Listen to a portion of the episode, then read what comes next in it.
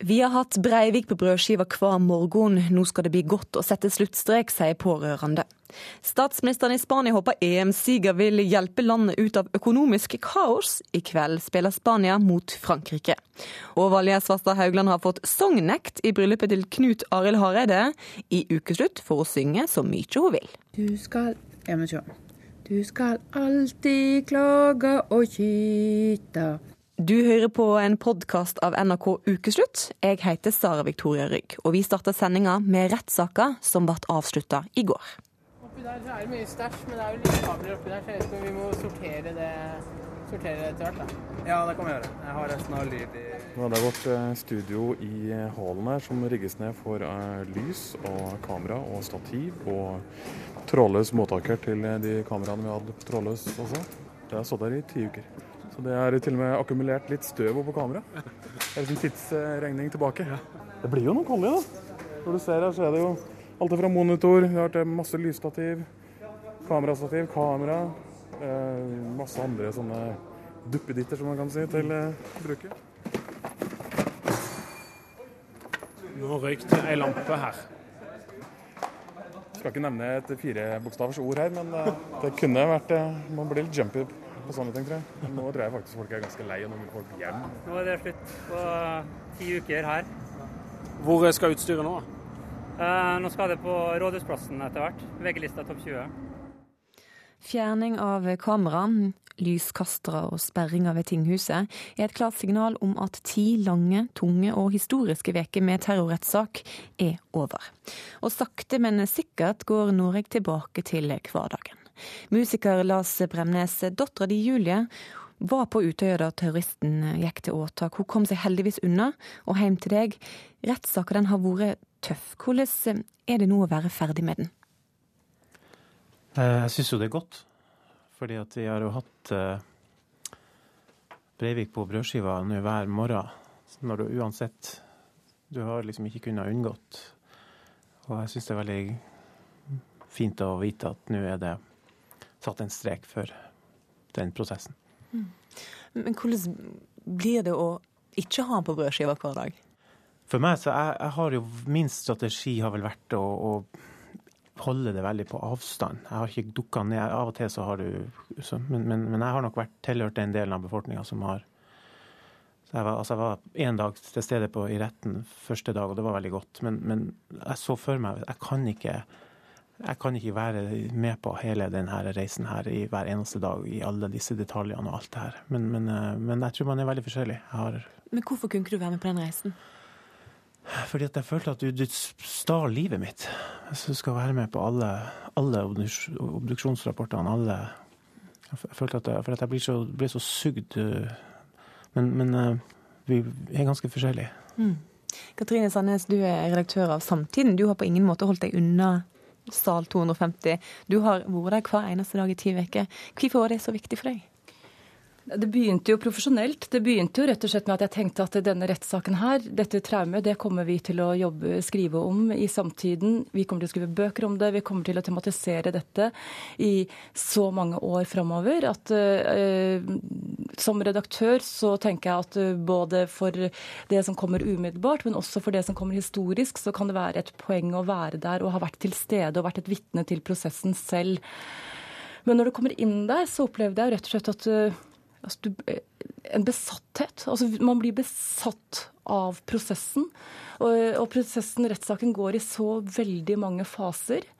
Og det er en intensitet i rettssaken som som man ikke klarer å formidle gjennom avisformatet, gjennom små nyhetsbulletenger. Det er, fordi det er en varighet uh, og en tyngde, uh, en tyng, egentyngde i tilstedeværelsen der, som jeg tenker at vi har ikke klart å formidle det godt nok ennå. Vi har ikke klart å fordøye det.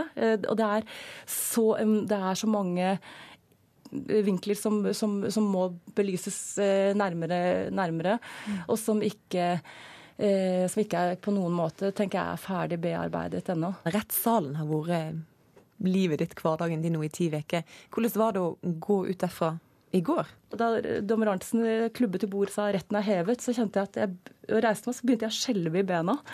Jeg sto, sto skalv i hele kroppen, og det var eh, Ja, det, det, var en veldig, veldig merkelig, merkelig opplevelse mm. som Men jeg tror at vi som har vært der inne, vi har jo levd i vår egen verden i disse ti ukene. Mm. Professor i sosialmedisin Per Fugli, folk reagerer forskjellig på rettssaken. Noen følger veldig godt med, andre har ikke fulgt med i det hele tatt. Hvordan syns du at Norge har takla denne rettssaken? Nei, vi, vi, må jo få en medalje, syns jeg. Eh, ikke sant. I et eh, landskap av eh, voldsomme følelser så har vi klart å bevare fatning. Eh, gjennomført en rettssak ryddig. Eh, så det må vi være veldig stolte av. Samtidig som eh, jeg tror òg at, at veldig mange er glade for at nå er iallfall runde én forbi. Eh, og Det tror jeg særlig gjelder, og det kan Lars si mer om, men det tror jeg særlig gjelder de som har eh, vært direkte involvert. For de har på en måte vært litt på vent eh, i forhold til dette med å ta livet tilbake og, og prøve å gå videre, rett nok med sår, men likevel begynne å, å få disse sårene til å gro.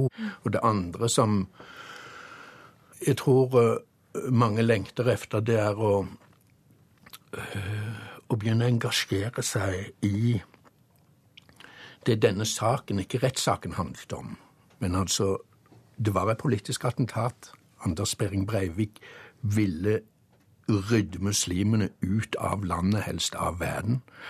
Og, og, jeg tenker noe av det viktigste vi har å gjøre nå, er jo å komme litt ut av rettssaken og til saken som først og fremst eh, dreier seg om politikk, om arbeid i hverdag og egen sjel for en, en, en eh, tryggere integrering, og ikke minst komme muslimene i møte. For samfunnet Norge så er det selvfølgelig en politisk eh, Men jeg syns det har handla veldig om, hvor, hvor dyrebart livet er.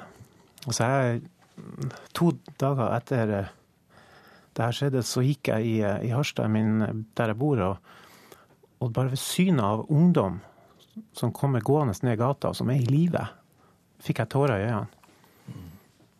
Og det, det gikk opp for meg hvor, hvor verdifull vi er for hverandre. Og det er jo synd at vi, vi, må minnes på det på den måten. Hvordan går man videre hvis man skal hjelpe Norge til å si sånn nå går vi videre, nå setter vi en sluttstrek for denne runden iallfall? Nei, altså sl sluttstrek tror jeg blir feil. Iallfall ikke to streker. Kanskje en, en halv.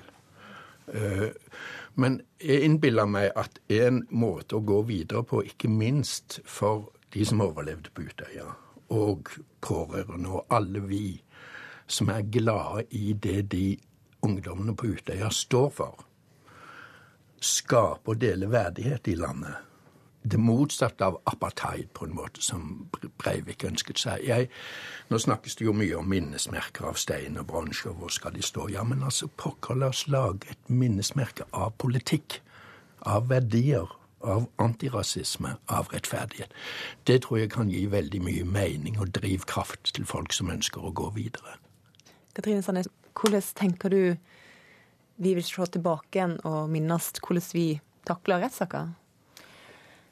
Jeg tror at mye av det vil faktisk vil avhenge av utfallet. Jeg tror, jeg tror jo faktisk etter, prosedyrene, etter at prosedyrene er ferdig, går at uh, sjansen faktisk er ganske stor for at han blir kjent uh, tilregnelig. Jeg opplever at Det er ikke det at det er viktig i seg selv om han blir kjent tilregnelig eller utilregnelig, men jeg har, tenker at er, av alle rettssaker så skal denne rettssaken være riktig. Altså, det skal gå riktig for seg. Det skal være, det skal være en riktig, riktig dom. Eh, og, den, eh, og, jeg tror at for, for, for mange så, så, har jo de siste ukene på mange måter opplevd det som en litt sånn grotesk avsporing av det det har handlet om. Eh, jeg håper, jeg håper på en måte at saken kan falle til ro, og ikke, ikke ikke ende opp som uh, i juridiske spissfindigheter, som, som det, det fins en, en mulig, mulighet for nå. Da. Men, uh, men Eh, jeg opplever også veldig sterkt det Lars sier, at er det noe dette, denne saken er en påminnelse om, så er det, så er det hva, et liv, hva, et liv, er, og hva tapet av et liv er. Nå er rettssaka over, men spørsmålet er kommer vi noen gang til å bli ferdig med denne saka?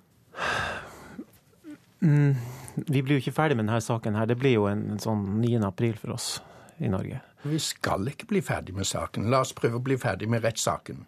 For, for, jeg opplever at den har nå fått monopol og stjålet nok oppmerksomhet. Men saken i betydningen et rettferdig samfunn hvor vi deler på verdighet uavhengig av hud og gud, den skal vi aldri bli ferdig med. Jeg er helt enig. Jeg mener at vi skal aldri, vi skal aldri Når vi sier til barna våre at vi aldri mer 22. juli, så skal det være en historie om mangfold, og det skal være en historie om, om betydningen av hvert enkelt liv. Takk til deg, Katrine Sandnes, Lars Bremnes og Per Fugli. I ti uker har fire personer, som alle opplevde 22. juli tett på kroppen, levert lyddagbok til ukeslutt og fortalt om hvordan de har opplevd rettssaker. Reporter Ida Tune Øretsland ser tilbake på den historiske rettssaka ved hjelp av lyddagbøkene. Jeg må innrømme at jeg ikke helt vet hva jeg kommer meg i. 16. april, første dagen av rettssaken. Torunn Kanutte Husvik har prøvd å forberede seg på å høre mannen som drepte vennene hennes, og som ville ta hennes liv 22.07. Jeg har vært på fengslingsmøte, og så har jeg satt meg ned og tenkt gjennom om jeg virkelig vil litt, om jeg har et behov for å gå. Retten er satt. Nå vil jeg be om at tiltalte reiser seg. Kan jeg få ditt fulle navn? Anders Behring Breivik. Når er du født? 13.02,79. Dag fem. Nå står vi her og skal inn og høre på at Utøya starter. Vil vi det, eller skal vi bli hjemme i dag? Jeg tror jeg skal dra uansett, og så får jeg heller gå ut. Mm. Anders Behring Breivik skal forklare seg om hva som skjedde på Utøya. Siri Marie Seim Sønsteli forbereder seg sammen med faren Erik Sønsteli. Vi gruer oss litt, men uh, klokka er blitt så mye, så vi får vel bare ta sjansen. Og så får vi være flinke og passe hverandre og gå ut hvis vi må. Ja. Er du klar? Anders Behring Breivik hadde en beskjed før han begynte å forklare seg om Utøya den dagen. Jeg anbefaler alle som ikke trenger å høre på, om å ikke høre på. Det kommer til å bli grusomme skildringer. Det er Det er tøft uh, å høre Høre noen uh, med veldig enkle og innøvde ord fortelle hvorfor de syns det var helt rett og rimelig å drepe mennesker du er glad i. Jeg tenkte at nå skal jeg gå inn i den bygningen og henrette så mange som mulig der inne. Det er rart å være i rettssalen og møte disse her som er i en annen situasjon enn de som mista sidene. Jeg syns det gjør veldig vondt. Jeg vet ikke helt hvordan jeg skal takle det. Det kunne like så godt vært vår egen familie. Det kunne vært jeg. En annen det kunne vært, er Emma. Mitt navn er Emma Martinovic og er en av de overlevende fra Utøya 22.07.2011. Det var uh, forferdelig da de spilte det uforberedte klippet av en redd AUF-er som ringte inn til politiet, og ble bedt om å holde linja. Og du hører skuddene i bakgrunnen. Vi er bare tre stykker på rommet, og den ene roper 'legg deg på bakken'. Mens vi ligger der, så endrer hele naborommet seg til en helt voldsom skranglekasse. Det verste må helt klart være lydklippet fra Utøya. Mm. og bli dratt tilbake. De skuddene førte meg rett tilbake igjen til 22.7. Det er hyling, folk springer, det rister veldig. Det er jo Og det avfyres masse skudd. Retten er satt. Jeg anerkjenner ikke norske rett, fordi at dere har fått mandatet deres fra politiske partier som støtter multikulturalisme. Studerte egentlig veldig mye Breivik i dag. Syns at han beholder seg rolig, men du ser liksom på leppene at er noen spørsmål har blir litt irritert over. Og så ofte så rynker han panna si, og så litt ut som han skalv når han drakk vann. Han fremstår veldig som han har gjort hele tiden, egentlig. Det er dag sju av rettssaken i Oslo tingrett. Så det var snakk om bomber i Oslo og litt Utøya, og jeg trengte å sove, jeg var veldig sliten. Det suger ut krefter av deg på en helt eh, rar og spesiell måte som på en måte jeg aldri har kjent på før. Men jeg er sliten. Jeg er veldig sliten. Eh, Konsentrasjonen er elendig. Men Er det nødvendig å sette seg ut for det, da? Jeg føler at det er riktig for meg eh, å være der. Én dag sa jeg, eh, og følte det var greit å dra to. Så valgte jeg dere dra tre. Jeg er avhengig av å få noen svar, og jeg tror ikke jeg kommer til å få alle. Dag ni av rettssaken.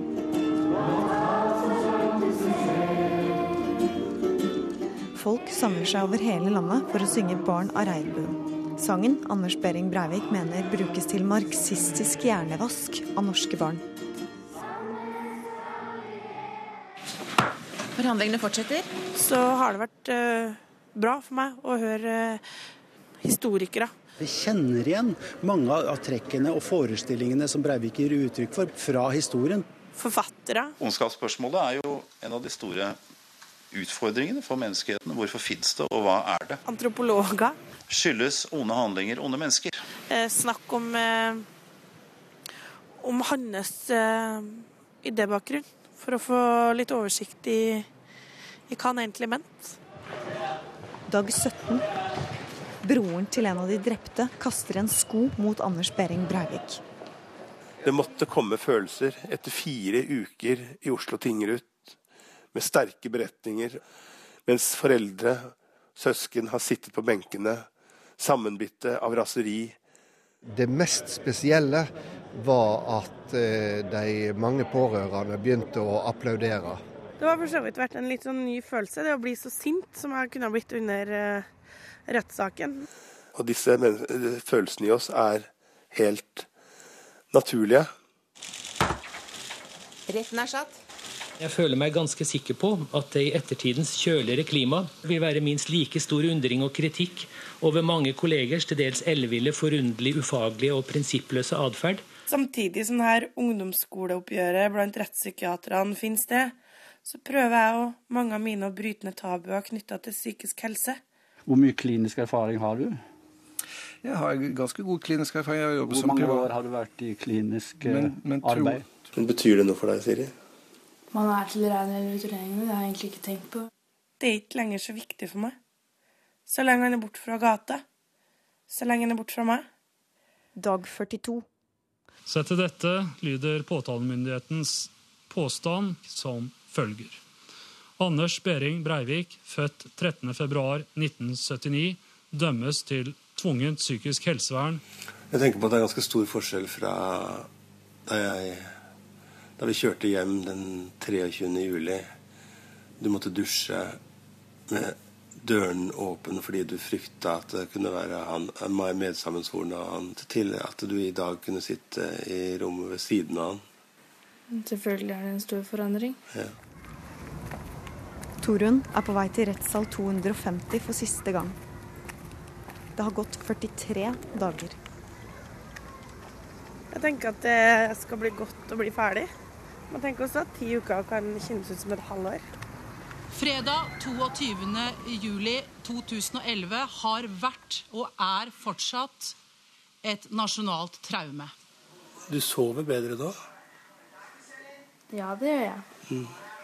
Jeg tror jeg er i ferd med å lukke et kapittel.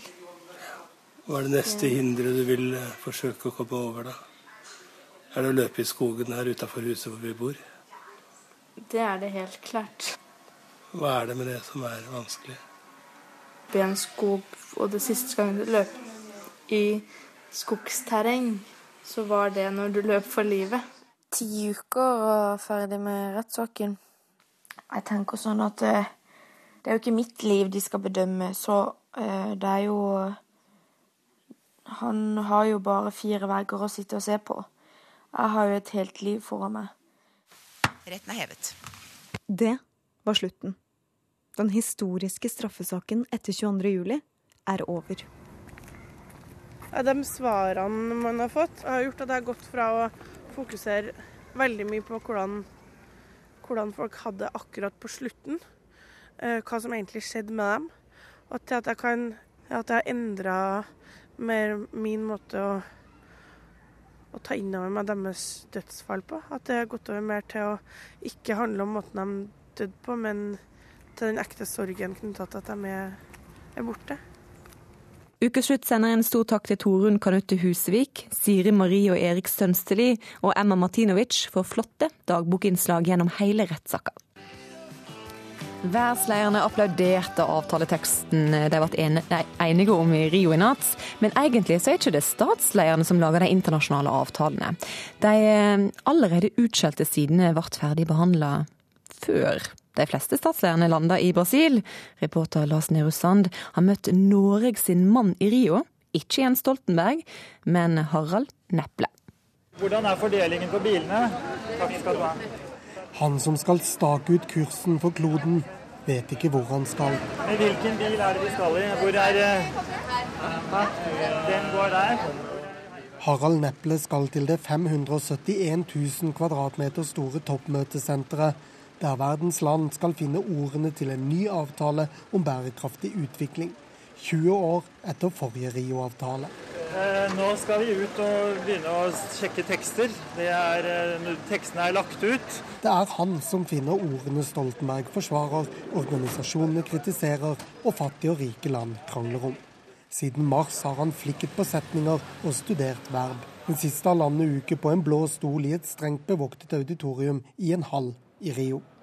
Det har vært en gjensidig respekt for at man kommer fra ulike ståsteder, og at det vi jobber med er å prøve å finne noe i midten. Det er jo det som dette her er.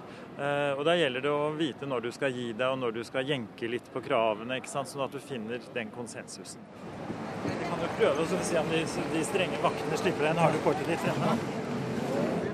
He is with me, I will take it back. Yeah? Okay, thank you. Det var moro. Jeg trodde ikke du kom inn heller. Det er en stor plastbrakkelandsby hvor hvert land har sitt eget lille kontor. Her har det foregått mye, vet du. For her er, alle, her er det kontorer og møterom. ikke sant? Så her har jeg sittet rundt omkring og forhandlet delvis når vi har holdt på i små, uformelle grupper. Han har småløpt mellom landene, banket på dørene og foreslått ord. Ord så mektige at han bygger allianser for å få endret likestilling mellom kjønnene til likestilling mellom mann og kvinne alt som ser ut som en detalj, betyr noe helt annet. Når du snakker om gender equality, så er det veldig ofte for å løfte opp den svake parten, som er kvinner. Når du sier at det er language on equality between men and women, det er viktig, for da har du likestilling mellom mann og kvinne. Skjønner du? Egentlig ikke, men nyansenivået forstår man jo. Men små ord betyr veldig mye. Putter du inn 'as appropriate' i en setning, så betyr det at det er ikke så forpliktende som det kunne være. For da kan det hver part bestemme. Og hvis du søker på antall 'as appropriate' i dokument, så tror jeg du finner ganske mange. Og vi liker ikke dem. Men hvis du sier f.eks. ordet du bruker 'commit ourselves', som står nederst her, det er, da forplikter du deg. Ja, Det, det brukes nesten aldri. Jo, det er en del commits, men det er ikke så mange.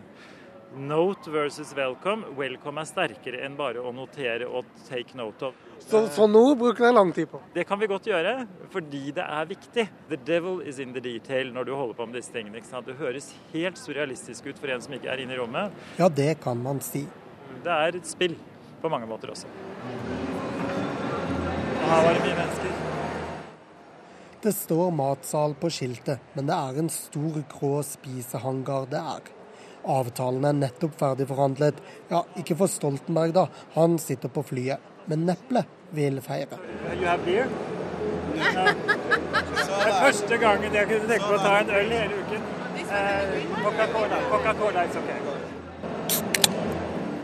Vi kan gå og sitte oss inn på møterommet. Han synes forhandling fryder. Jeg smører meg med veldig mye tålmodighet. Det er fascinerende, det er eh, spennende og til tider meget frustrerende. Ja, Er det ikke det? Jo, selvfølgelig. Herlighet. Du hører på Ukeslutt i NRK P1 og P2. Er du fremdeles usikker på offside-regelen to uker inn i fotball-EM? I så fall gir Ukeslutt deg et krasjkurs for etternølere. Og akkurat nå sier Knut Arild Hareide ja til sin kjære. Høyre-Valgerd Svarstad Haugland synger heimelaga sang til brudeparet. Og der er eh, det hele over. Tyskland er i semifinalen i Europamesterskapet i fotball. 4-2 over Hellas. Lam, Kedira, Klause, Royce skåret Samaras for eh, Hellas og eh, Salpingidis også for Hellas. Det siste på straffespark. De kriseråka grekerne hadde håpa på semifinaleplass og et sårt tiltrengt litt sårt tiltrengt oppmuntring i går, men i stedet så viste Tyskland at de er å bli storebror, også på fotballbanen. For kampen var et bilde på det økonomiske gapet som skiller velstående Tyskland fra lutfattige Hellas. I kveld så håper et nytt kriseramma land, nemlig Spania, på siger. Johannes Nymark, du er førsteamanuensis ved Norges handelshøgskole, og du har forska på fotball og identitet. Hvorfor er det så viktig for disse landene å gjøre det bra på fotballbanen? Ja, for, spesielt for Spania i dag, da, så er det jo eh, fotball veldig viktig. Folk er veldig opptatt av det. Har vært det veldig lenge. Eh, nå er Motsetningene til Frankrike er kanskje ikke de aller største, men de har vokst litt den senere tid pga. krisa i Spania. Men eh, kanskje mer interessant når det gjelder Spania, er jo at det, det er regionale motsetningene som har gjort at det kan til tider har vært vanskelig å få eh, spillere fra Catalonia-provinsen til, til, å sende ballen til en Real Madrid-spiller og, og, og slike ting. Mm. Men når det går dårlig på heimefronten med landet ditt, Hvorfor er det da ekstra viktig at fotballspillerne gjør det bra på fotballbanen? Jo, for det er et symbol for landet, og det kan de ikke hevde seg politisk eller på annen måte, så gjør de det gjennom fotballen, den mest populære og omfattende sporten i verden. Jeg var sjøl i Argentina under en veldig alvorlig finanskrise i 2001 og opplevde hvordan eh, hvis det kom en fotballspiller, en kjent fotballspiller inn på en restaurant, så gikk folk bort og sa at gi oss nå i alle fall Eh, den gleden vi kan få ved, at, eh, ved det gode fotballspillet, og ved at vi vinner på fotballbanen. Mm.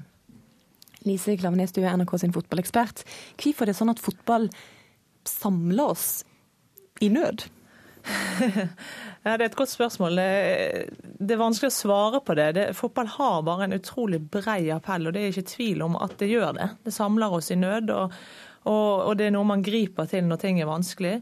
Jeg tror nok at svaret ligger i at vi, sport det samler folk på tvers av klasseskiller og på tvers av hva skal jeg si, eh, rikdom, eller om du er fattig, eller altså det samler nasjonen, eller om det er en klubb, da, så samler det holdt på å si, lokalmiljøet. Eh, og Det kunne vært hvilken som helst idrett som gjorde det, men fotball er størst. Og er nok den mest tilgjengelige idretten. Du trenger ikke mye ressurser for å spille fotball, og alle kan være med på løkka, på en måte. Så det er nok Landslaget representerer jo toppen av noe vi alle har drevet med. Eh, det har tradisjonelt vært menn stort sett som har drevet med det, men nå er det jo den klart største idretten for jenter òg. Og dermed har det blitt en enda bredere appell. Så Det, det syns jeg er det fantastiske med fotball og mesterskap. Det gir det liksom en litt større mening enn bare offside og få, få denne ballen i nettet. Mm. Hvis jeg kan få gripe inn der, så uh, kan jeg si at i f.eks. i Brasil og i Argentina med enorme klasseskiller, så er fotballen den eneste arenaen kan en si, der de laveste gruppene, de laveste sosiale gruppene kan uh, se uh, sjefen sin i øynene og, og, mm. og diskutere mm. og si at nei, sånn var det ikke. Det var ikke offside. Ja, Det er virkelig et godt poeng du kommer med der. og Det, det er jo det samme for oss. Altså det er klart eh, Skandinavia og Norge vi er, vi er flatere i strukturen. og, og uh, Sjefene våre skal si det sånn, vi, vi, treffer de oftere enn i andre land. Men bare tenk på en spiller som Zlatan, f.eks., som, som er en innvandrer, uh, asylsøker i Sverige. Uh, og Det er jo en kjent sak at det er vanskelig for, for den gruppen å nå opp selv i Norge og Skandinavia, der det er flatere. Altså, det var språkproblemer, navnet gir assosiasjoner til problemer på arbeidsplassen osv. Og, så mm. og det er den største helten i Sverige. og det, det, nesten ingen andre arena det kunne skjedd på. og det er klart Da blir det noe mer enn å få en ball i mål. Hmm. I kveld spiller jo Spania mot Frankrike. Statsministeren i Spania han kom jo til en trening og sa til gutta gi oss en seier, for nå har, det, nå har vi det vanskelig hjemme. Hvordan kan en gjeng med fotballspillere hjelpe til et land i krise? Stakkars gutter, sier bare jeg da. Du har jo hardt nok press på deg fra før om ikke du skal komme folk fra regjeringen innom. Eh, nei, det er klart Vinner de den kampen, så, så er det, fotball har den virkningen på folk. Det, det, det skaper en, eh, en, vanvittig entusiasme. Så Man skal jo selvfølgelig ikke dra det for langt, for det er et symbol som man må forvalte videre i politikken. og det er klart Boligprisene synker jo ikke av den grunn, og oljeprisene synker jo ikke av den grunn. Man, man må ta tak i økonomien. Men det gir en hva skal jeg si, et energiinnskudd i landet. At vi kan, vi, vi kan få det til. Eh, som jeg tror de nå i hvert fall opplever som veldig viktig. Nymark, er det naivt av statsministeren å tro at litt fotball kan redde landet?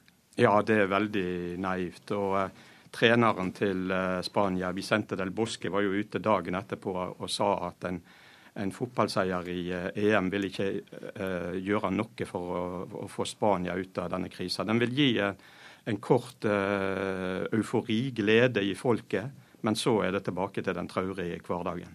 Mm. Det var noe trist sagt. Ja, Men sånn er det nå. Men sånn børsen, det, børsen, går jo opp hvis et lag gjør det bra? Ja, det vil den, men eh, de økonomiske realitetene er der eh, i alle fall. Det kan jo hende at det, det, kan, at, at det som et kan du si, et som utstillingsvindu så kan det tiltrekke en del, en del uh, investorer. Men Eh, den spanske krisa, eh, bank- og finanskrisa, er så dyptgående at eh, det ikke vil kunne redde landet. Mm. Lise Klavnes du sa 'stakkars gutter' å få den beskjeden fra statsministeren. Men, men hva tror du det gjør med en spiller å skulle spille for et land som sliter? Eh, jeg tror i utgangspunktet at det er bare positivt. Hvis du får inn, Det er veldig god greie å få inn i et lag at det er oss mot resten. Det gjelder på alle nivåer. Eh, og når det er oss mot resten i, en, i, i lys av en dyptgående krise i landet, så tror jeg det gir en ekstra mening til det du skal drive med. Og skal man lykkes på fotballbanen, så må man faktisk hype seg sjøl litt opp og tro at du er noe. Jantelov funker ikke før du skal ut og prestere. Så det å gå ut og tenke at hele landets eh, økonomi og rykte hviler på våre skuldre, for det er et stikkord at det er jo et lag. Hvis én spiller begynner å tenke sånn, så funker det ikke. Eh, det er jo helt riktig at det er jo ikke reelt. Hele landets økonomi hviler jo ikke på de skuldre, men å få det inn som et symbol, det tror jeg egentlig bare er positivt og en styrke for laget. Mm. Og Hvordan tror du det vil påvirke kampen i kveld? Eh, nei, Å si at det får en konkret påvirkning som vi vil se ved det blotte øyet, det tror jeg jo ikke. Men jeg, jeg tror jo at det gir For dette her er eh, menn og gutter, skulle jeg til å si. De blir liksom guttene i løpet av fotballbanen, syns jeg. Som tjener utrolig mye penger på fotball og har vunnet to mesterskap på rad. Så, så man kunne tenke at de var mette og bortskjemte. Og jeg syns vi kunne se det f.eks. på Russland, at de tjente for godt. De orket rett og slett ikke de siste kampene. Mm. Og det vil jo kunne, Et sånn symbolarbeid vil jo kunne gjøre at eh, man gir en ekstra innsats. Mm. Eh, og Det syns jeg du har sett på Hellas veldig tydelig. Nymark, hvordan tror du vi kommer til å se kombinasjonen fotball, identitet, politikk, økonomik, økonomisk, økonomisk krise i kampen i kveld? Nei, Jeg tror nok at uh, de spanske spillerne vil gi mye. Men jeg har et inntrykk av at europeiske uh, spillere gir mindre enn en spillere fra latinsk, latinamerikanske land. Jeg har et eksempel fra 1986, da Argentina vant uh, fotball-VM i Mexico og bl.a. slo England. og Det ble sett på som en, eh, en, en revansje for uh, tapet mot England da, i, i Falklandskrigen fire år før. Mm. Så her er stor, stor politikk i kveld. Hvem, hvem vinner kampen? Jeg tror jo Spania vinner kampen. De har jo vunnet to mesterskap på rad, som sagt, og er det beste laget. Nymark, hvem tror du vinner? Jeg tipper Frankrike. Det blir nødt til det hvis det skal bli litt opposisjon her. dere får kose dere med fotball og politikk i kveld. Takk Lise Klaveness og Johannes Nymark. Følger du med på fotball-EM? Ja, jeg gjør det. Litt i hvert fall. Det jeg får med meg. Nei, egentlig ikke. Nei, Hadde Norge vært med, så kan De er ikke med, sant? Nei. så, så, kanskje jeg hadde, hadde, sett på, men jeg er ikke så interessert. For de som ikke følger med, men som har lyst til å slenge seg med nå i siste runde, har du noen tips til de? Kanskje dra ut på en pub eller sånn hvor, hvor, det er litt fart og stemning, så de ser hvor, hvor mye følelser det er i det. Så lar de seg kanskje rive med. Og det var akkurat det vår reporter Elisabeth Onsum gjorde. Hun dro på pub sammen med fotballentusiast Arild Rønsen for å finne engasjementet hun trenger for den neste veka med EM. Og allerede i baren gjorde hun den første feil. Det går mye i øl her. Hva tror du skjer hvis jeg spør om å få et glass champagne? Skulle ikke forundre meg om de har det også. Men jeg, jeg, tror, ikke, jeg tror, ikke, det er liksom sånn utbredt bestilling. da. Det er ikke sånn som kommer hver dag her, tror jeg. Mannen som i snitt ser én fotballkamp hver dag, hevder det er gode grunner for etternølere å henge seg på i EM-sluttspillet. Selv for dem med beskjeden fotballkunnskap. Nå er vi midt inne i kvartfinaletida.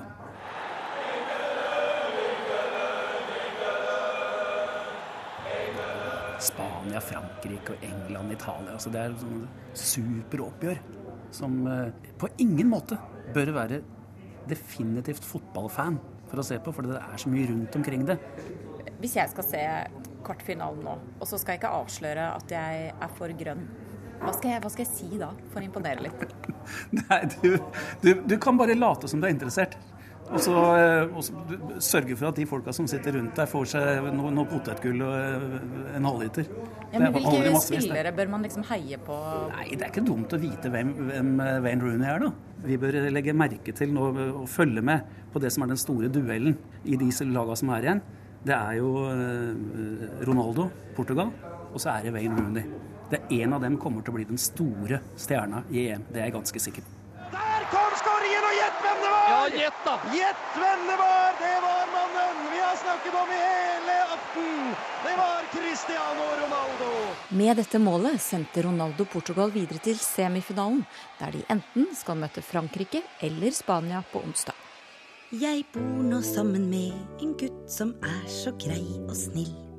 Han har en liten hobby ellers gjør han som jeg vil. Men hold kjeften din nå, du, da! Du ser vel at jeg ser? På fotballkamp, så hold deg litt i ro! Eller potet. Jeg har en god del venner fra, fra fotballaget mitt, Vålerenga Allboys. Og eh, det er mange som får fri fra kona på eh, finalekvelden. Og så eh, samles vi rundt en stor TV-skjerm. Og folk kommer med sixpackene sine, og så kjøper jeg potetgull. Og da har vi egentlig den helt perfekte ramma.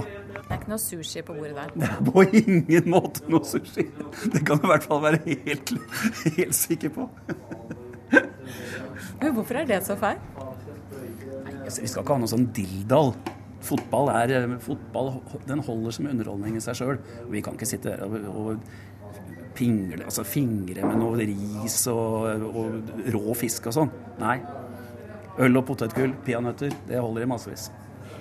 Så for deg som egentlig har litt lyst til å følge med i innspurten, er det bare å legge skrekken til side. Hvis du skal si sånn kanskje tre ting som er veldig viktige å vite for at du skal kunne kalles fotballfaglig kompetent?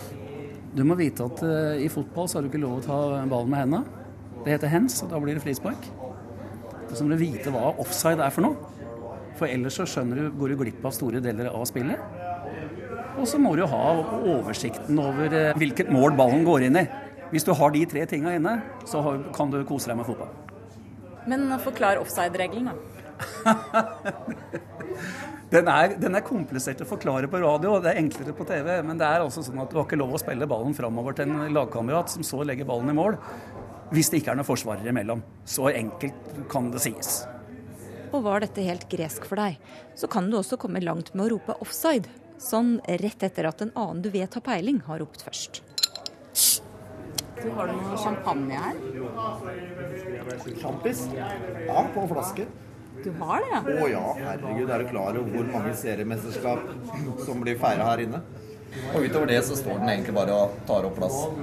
Hvem håper du kommer til finalen av i EM? England. Alltid holdt med England siden seks år. England! Jeg veit det aldri skjer, men jeg er som Jeg blir vel tysker av Spania.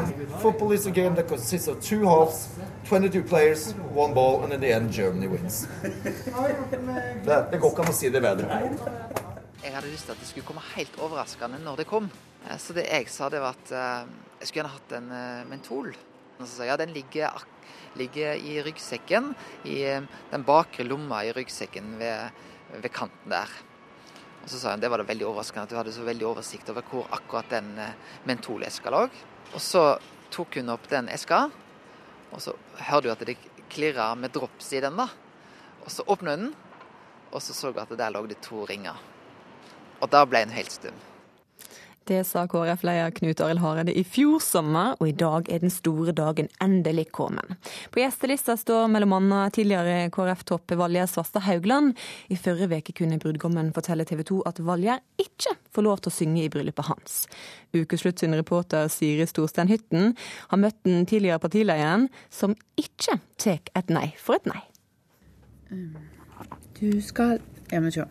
Du skal alltid klage og kyta. Ja, men sjå. Jeg skal synja om ikke så brått Nei, om ikke så flott. Eh, ja.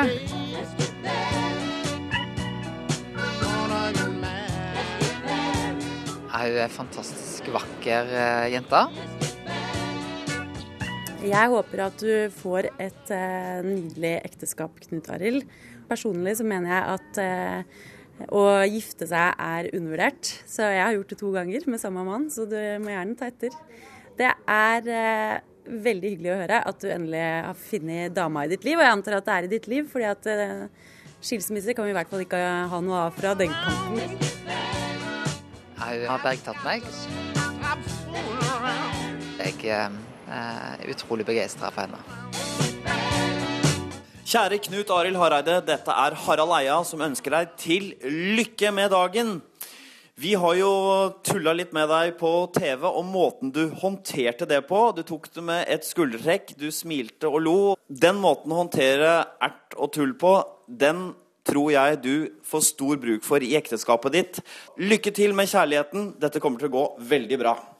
Hei, dette er eh, Siv Jensen. Det er en stor glede for meg å kunne ønske Knut Arild og Lisa Maria eh, til lykke. Måtte dere få et godt og lykkelig samliv.